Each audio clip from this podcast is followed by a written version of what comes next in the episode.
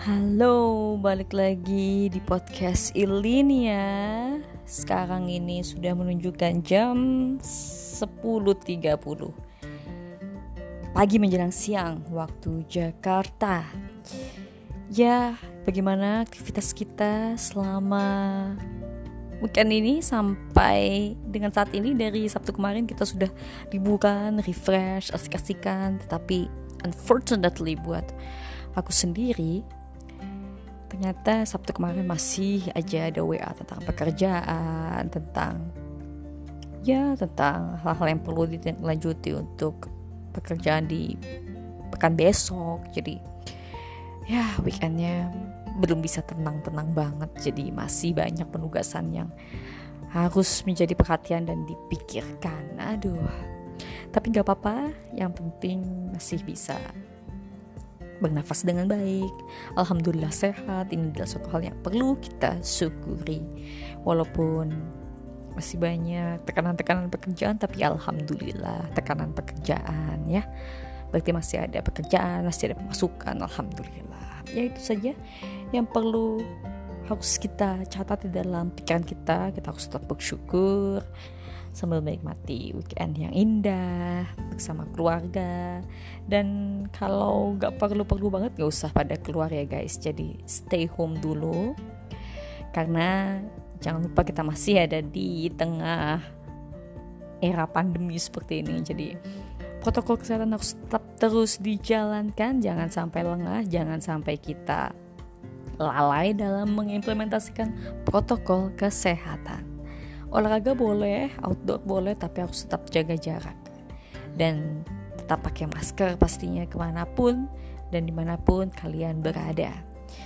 Uh, kalau bicara mengenai hobi sebenarnya banyak banget teman-teman aku yang hobinya itu pada naik sepeda naik sepeda bahkan sampai 77 kilo kolega aku di kantor itu. Dia cerita baru aja sepedaan sampai 77 kilo. Oh my god keren banget sih guys. Jadi stamina-nya kuat banget. Padahal selama weekday kerjaannya banyak sama kayak aku tekanannya banyak.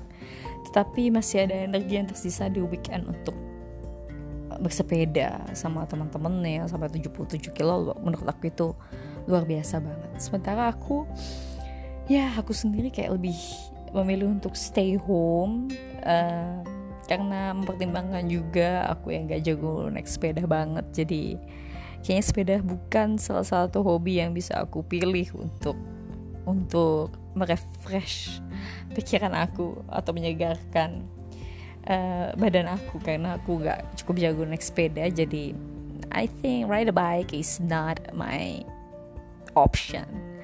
Jadi kalau untuk refresh diri aku lebih memilih untuk you know main game. Kegiatan-kegiatan indoor lah main game. Kadang sometimes uh, main piano walaupun basic banget. Atau uh, meluangkan waktu sama kucing-kucing aku sama pets menurut aku itu juga suatu hal yang sangat uh, menyegarkan it's energize myself so I'm glad that I have my five cats in my home of course. Jadi aku seneng banget. Ya yeah banyak hal-hal yang bisa dilakukan oleh kita semua untuk menyegarkan pikiran kita. Kalian juga bisa baca buku nonton TV jadi banyak sekali lah kegiatan-kegiatan indoor yang bisa kalian lakuin. Kalau kalian orangnya nggak nggak begitu suka untuk keluar sama kayak aku gini ya. Atau kalian bisa juga apa ya ya menghias-hias rumah atau bercocok tanam itu bisa menjadi pilihan alternatif yang asik tuh dilakukan di rumah. Jadi gak usah kecil hati kalau kalian gak suka sama kegiatan outdoor sama kayak aku masih banyak hal yang dilakuin di indoor. Terus kalau kita bicara tentang aktivitas outdoor ya selain bersepeda yang kayak tadi dilakuin sama teman aku, hmm, banyak juga sih yang masih suka jalan-jalan gitu.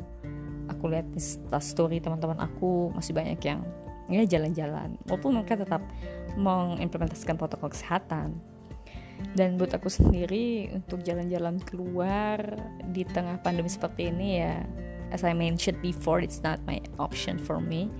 Karena aku pikir kalau nggak perlu-perlu banget gak usah lah keluar. Terakhir kali aku benar-benar jauh keluar dari rumah itu pas aku ke kantor pas lagi jadwal work from office jadi aku ke kantor sekalian ya update uh, laptop untuk software update update data dan sebagainya. Itu adalah perjalanan terjauh aku mungkin for the last uh, six months ya. Karena selama enam bulan ini aku nggak jauh-jauh main uh, enam bulan yang lalu sempat ke suatu salah satu shopping center itu pun karena ada hal yang sangat mendesak untuk dilakukan. Jadi aku keluar saat itu. Tapi tetap menerapkan protokol kesehatan di mana pun dan ke mana pun kita berada. Bicara lagi balik lagi kita ke hobi ya. Hobi ya tadi yang seperti aku bilang bahwa kamu semua tuh punya pilihan untuk suka kegiatan indoor atau suka kegiatan outdoor kalau untuk olahraga siapa bilang kalau misalkan kita mager nggak suka keluar terus kita nggak bisa olahraga? Oh totally wrong. I mean kamu bisa kok hobi menyalurkan hobi kamu berolahraga bakar kalori walaupun kamu ada di indoor jadi kamu tetap bisa berolahraga dan bakar kalori. Caranya gimana? Kamu bisa pakai treadmill ya kan jadi kamu gak perlu lari-lari keliling komplek ketemu orang-orang yang mungkin bisa meningkatkan resiko kamu terpapar virus. Jadi lebih baik kamu indoor stay at home pakai treadmill kamu bisa lari-lari kecil. Pakai treadmill kamu bisa atur pace speed kamu. Jadi itu adalah salah satu alternatif pilihan yang bisa kamu lakukan untuk bagai kalau jadi stay health meskipun kamu masih berada di uh, indoor gitu ya aku sendiri sebenarnya ada treadmill di rumah tetapi memang dasarnya aku memang lagi mager banget jadi sama sekali belum aku pakai for the last uh, three weeks ya for the last three weeks mungkin aku nggak ngelakuin hal-hal yang berat sih karena memang tekanan pekerjaan lagi banyak banget jadi kalau aku lagi banyak kerjaan kadang suka lupa sih untuk bergerak gitu jadi sometimes uh, aku nggak banyak bergerak juga jadi don't try this at home ya jangan dicontoh. Sebenarnya harusnya harus tetap bergerak. Apalagi ada treadmill sebenarnya ini jadi salah satu apa ya privilege yang bisa dimanfaatkan untuk tetap bergerak untuk tetap sehat dan bugar bakar kalori juga walaupun stay indoor di rumah gitu. Terus sometimes aku juga coba untuk you know cari-cari video exercise di YouTube yang uh, bisa bakar kalori kita ya kan banyak sekali lah video-video yang ada di YouTube. Kalian bisa coba-coba searching itu bisa menjadi panduan untuk diikuti bakar kalori. Kadang yoga yoga basic karena aku juga dalam lentur banget ya badan jadi ya yeah, sometimes cari-cari video yang terkait yoga dan kita praktekkan di rumah yang gak perlu banyak alat yang gak yang gak banyak gerakan-gerakan yang susah itu bisa kita terapkan juga. Jadi banyak sekali lah kegiatan-kegiatan yang bisa kita lakukan walaupun kita tetap beraktivitasnya di dalam rumah aja. Kalau misalkan kegiatan outdoor banyak ya pilihannya. Kalian bisa pilih sesuka hati lah tapi ya tetap keep in your mind to stay health. Tetap jaga protokol kesehatan jaga jarak cuci tangan harus sesering mungkin terus tetap pakai masker dan jangan lupa juga utamakan untuk pembayaran apa pun transaksi kalian selama kalian beraktivitas di luar pakai kris pakai pembayaran non tunai karena ini penting banget ya untuk meminimalisasi possibility terpapar virus. Jadi kenapa enggak kita lebih mengutamakan pembayaran yang sifatnya uh, non tunai gitu terus jangan lupa juga kalian kalau habis beraktivitas di luar itu selalu segera mandi. Kalau sudah sampai rumah segera mandi dan barang-barang bawaan kalian semprot dengan desinfektan. Ini adalah rutinitas yang aku jalanin selama ini. Jadi setiap kali aku keluar ke rumah pas pulang itu pasti langsung mandi terus aku semprot semprotin semua barang-barang yang aku bawa. Misalnya laptop handphone mouse dompet pokoknya tas-tas aku semprot semprot pakai uh, semprotan desinfektan itu perlu banget karena kan seperti kita tahu kan virus covid ini kan bisa bertahan di permukaan barang-barang ya selama beberapa jam atau sampai beberapa hari ya aku lupa deh.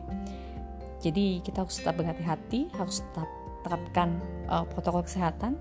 Setiap kali kalian keluar rumah bawa-bawa barang-barang terutama handphone ya karena kan pasti kita kalau kegiatan keluar rumah aktivitas outdoor tuh pasti selalu bawa handphone ke mana pun kita berada ya. Jadi harus tetap kita semprot-semprot handphonenya jangan sampai ada virus-virus nempel di sana kita semprot desinfektan kita lap-lap. Jadi itu rutinitas yang aku coba bangun uh, selama pandemi ini. Jadi setiap kali aku keluar pasti rutin aku support-supportin semua barang-barang bawaan aku yang aku bawa selama aku aktivitas di luar ya mungkin itu aja. Sekian dari aku. Kayaknya udah cukup lama juga nih 11 menit. Ini sedikit tips dan juga ya sedikit reminder bahwa meskipun kita ada di dalam rumah harus tetap jaga kesehatan aktivitas.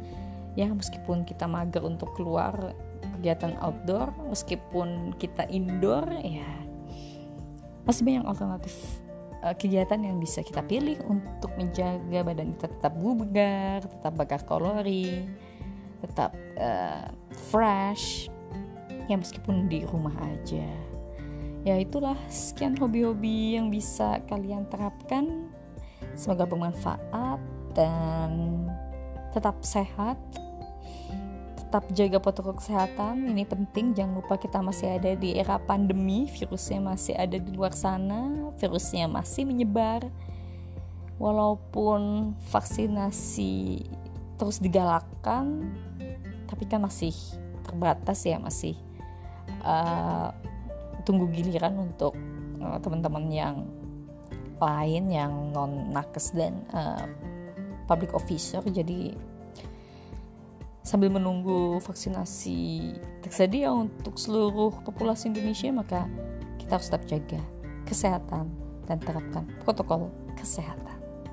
Sekian dari saya. Nanti kita balik lagi kalau misalkan aku ada waktu untuk sharing-sharing lagi.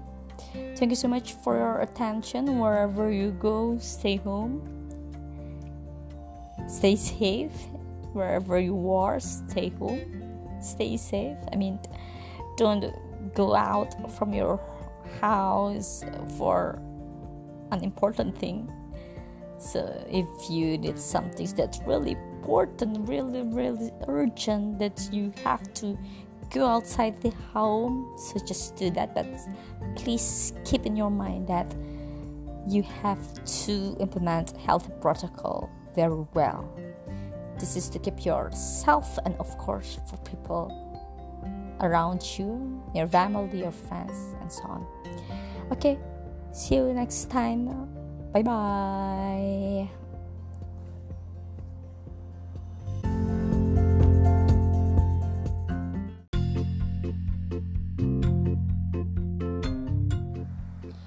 Yo yo yo listener semua Balik lagi ke acara podcast aku.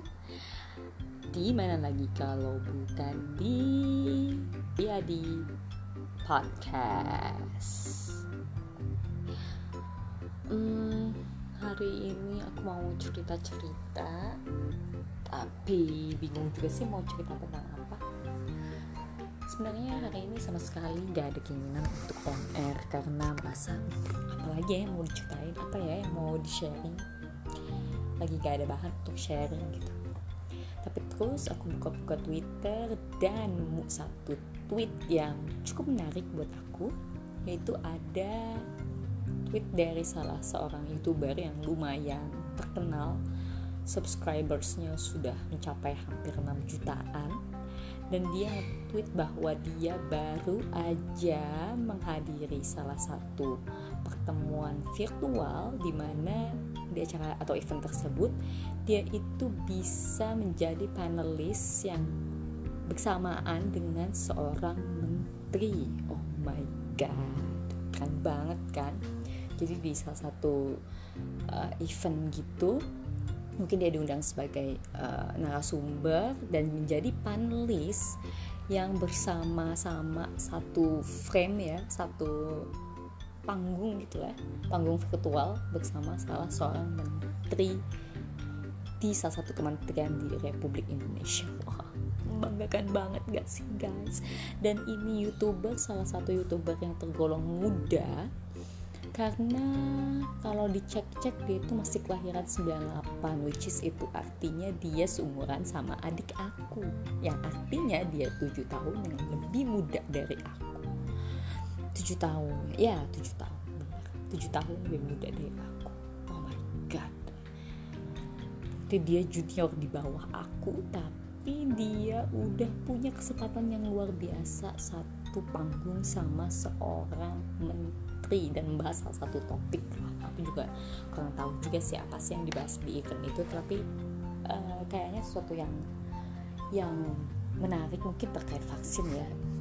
Yang nggak tahu juga sih tentang apa yang di, dibahas tapi yang aku sorotin itu bukan topiknya sih tapi tentang bagaimana dia bisa dapat kesempatan untuk sepanggung sama seorang menteri di usia yang begitu belia. Artinya kan kalau dia kelahiran tahun 98 berarti umurnya baru sekitar berapa tuh 2021 kurang 98 sekitar 23 tahun. Di listener semua ya di listener semua di usia 23 tahun dia sudah punya kesempatan yang luar biasa punya pengalaman yang luar biasa bisa satu panggung sama menteri. Gimana tuh perasaannya? Kalau ya di listener sendiri semuanya di usia 23 tahun lagi ngapain coba? Apa masih galau masalah percintaan atau mungkin masih struggling menyelesaikan skripsi atau mungkin di usia 23 zaman dulu apa masih cari-cari kerja? Hmm, pasti banyak banget kan?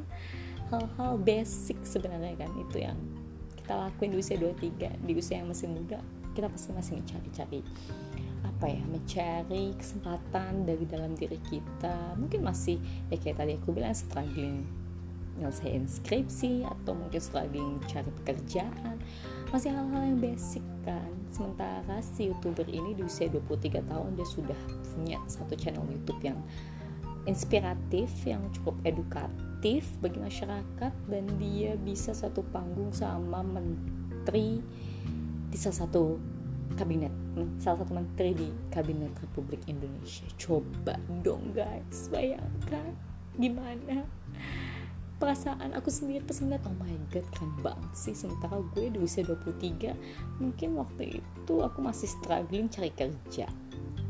Tahun mungkin sekitar 2014 ya. Waktu itu aku masih struggling cari kerja sambil kuliah melanjutkan S2 aku. Sementara dia udah satu panggung sama menteri. Itu artinya entahlah apa dulu aku kurang berusaha atau gimana ya hmm, tapi emang kalau kita perhatiin ya sebenarnya itu di media digital di era media digital yang luar biasa dengan percepatan teknologi yang uh, luar biasa banget ya. Itu emang jalan untuk kita bisa lebih terkenal itu emang emang banyak sih. Ini salah satunya seperti membuka suatu kanal YouTube yang kemudian kita isi konten-konten yang edukatif, yang inspiratif, yang menghibur bagi banyak orang dan akhirnya kita bisa meraup banyak subscriber. Artinya kita juga bisa dapat apa ya? fame juga, bisa jadi famous juga, jadi artis YouTube. Dan tentunya kita juga pasti dapat dapat benefit juga kan dari YouTube kalau uh, video yang kita upload itu banyak dapat respon positif banyak dapat view pasti kita juga dapat benefit dari dari YouTube itu sendiri gitu.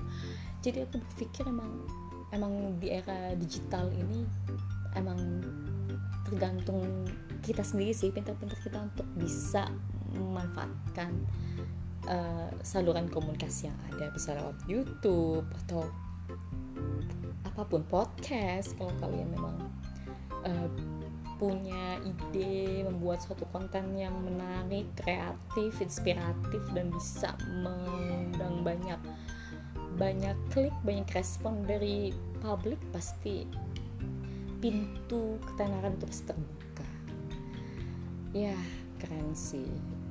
Hmm, mungkin kalau aku di usia 23 tahun kayak si youtuber muda ini mungkin aku juga memanfaatkan channel-channel YouTube ya. Cuma hmm, sebenarnya sih nggak ada kata terlambat ya. Kalau misalkan kita mau berusaha untuk coba membuka ketenaran untuk jadi terkenal at least uh, mencari jalan supaya publik bisa mengenal kita gitu ya ya seperti yang tadi aku bilang bisa memanfaatkan media komunikasi seperti YouTube, podcast dan sebagainya. Itu bisa aja sih dan kita bisa mulai di usia berapapun sebenarnya. Tapi aku sendiri sekarang kan usia aku sebenarnya udah bisa dibilang nggak begitu muda lagi ya guys ya. Udah bukan di kepala dua lagi jadi udah lewat lah masa-masa usia tuh intis itu. Sekarang udah early 30s dan hmm, mungkin hasrat dan keinginan untuk jadi terkenal itu udah nggak se menggebu-gebu zaman muda dulu ya.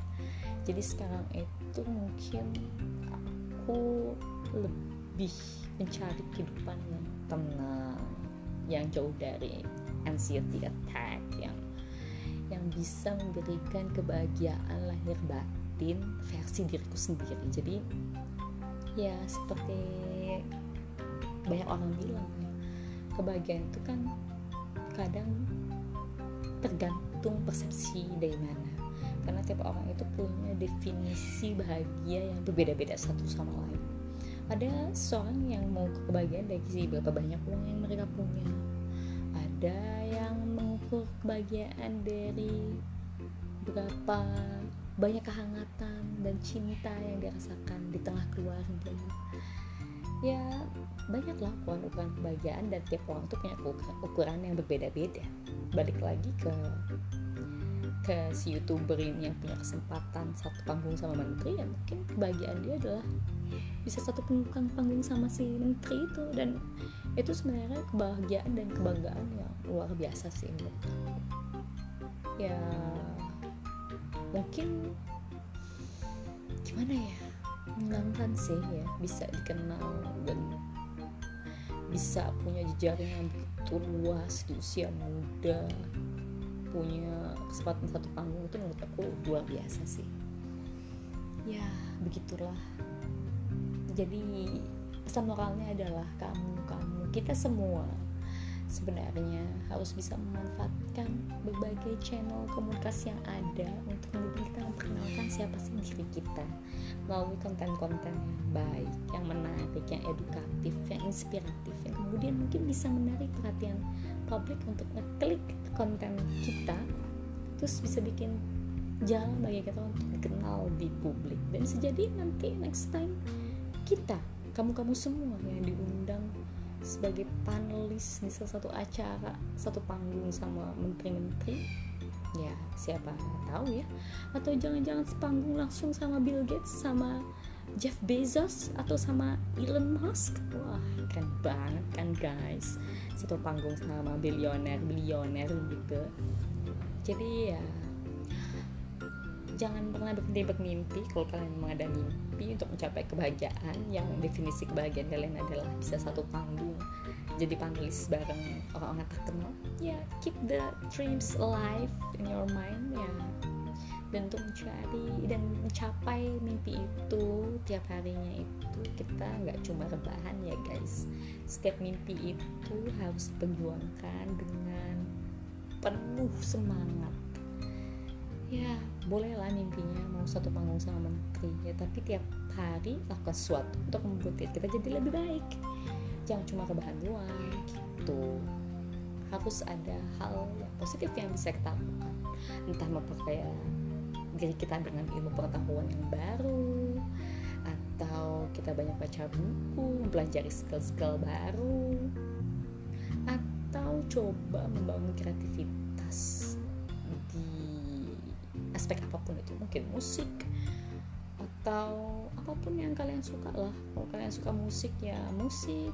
Kalau kalian suka art coba kembangkan uh, activity dan kreativitas kalian uh, di seni lukis seni tari atau apa pun itu yang kemudian bisa membawa sesuatu yang baik bisa menjadi inspirasi bagi masyarakat rasa itu akan keren banget sih jadi kalau kalian satu punya mimpi besar untuk mencapai kebahagiaan sesuai definisi kebahagiaan menurut kalian ya ya tiap hari kalian harus melakukan sesuatu. Entah itu besar atau kecil ya mulai dimulai dengan langkah kecil juga nggak apa-apa.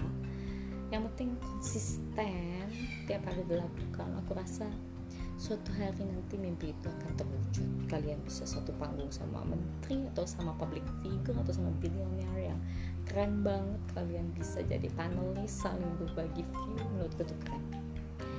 Oke mungkin sekian itu aja sharing aku dari podcast ini.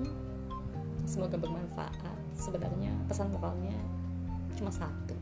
Definisikanlah kebahagiaan kalian sesuai dengan versi kalian sendiri dan coba wujudkan dengan langkah meskipun masih kecil langkah kecil ya coba dimulai setiap hari untuk mewujudkan mimpi itu. Kalau kalian ada mimpi untuk lanjutin studi ke luar negeri ya coba keep that dreams alive in your mind and try your best to create and make it happen. Melalui banyak hal-hal melalui banyak proses yang tentu diperlukan untuk mencapai mimpi tersebut. Sekian dari aku, ini udah azan asar. Ayo kita sholat asar. Uh, jangan lupa sholat bagi teman-teman muslim di sana. Sekian. Bye. Assalamualaikum warahmatullahi wabarakatuh.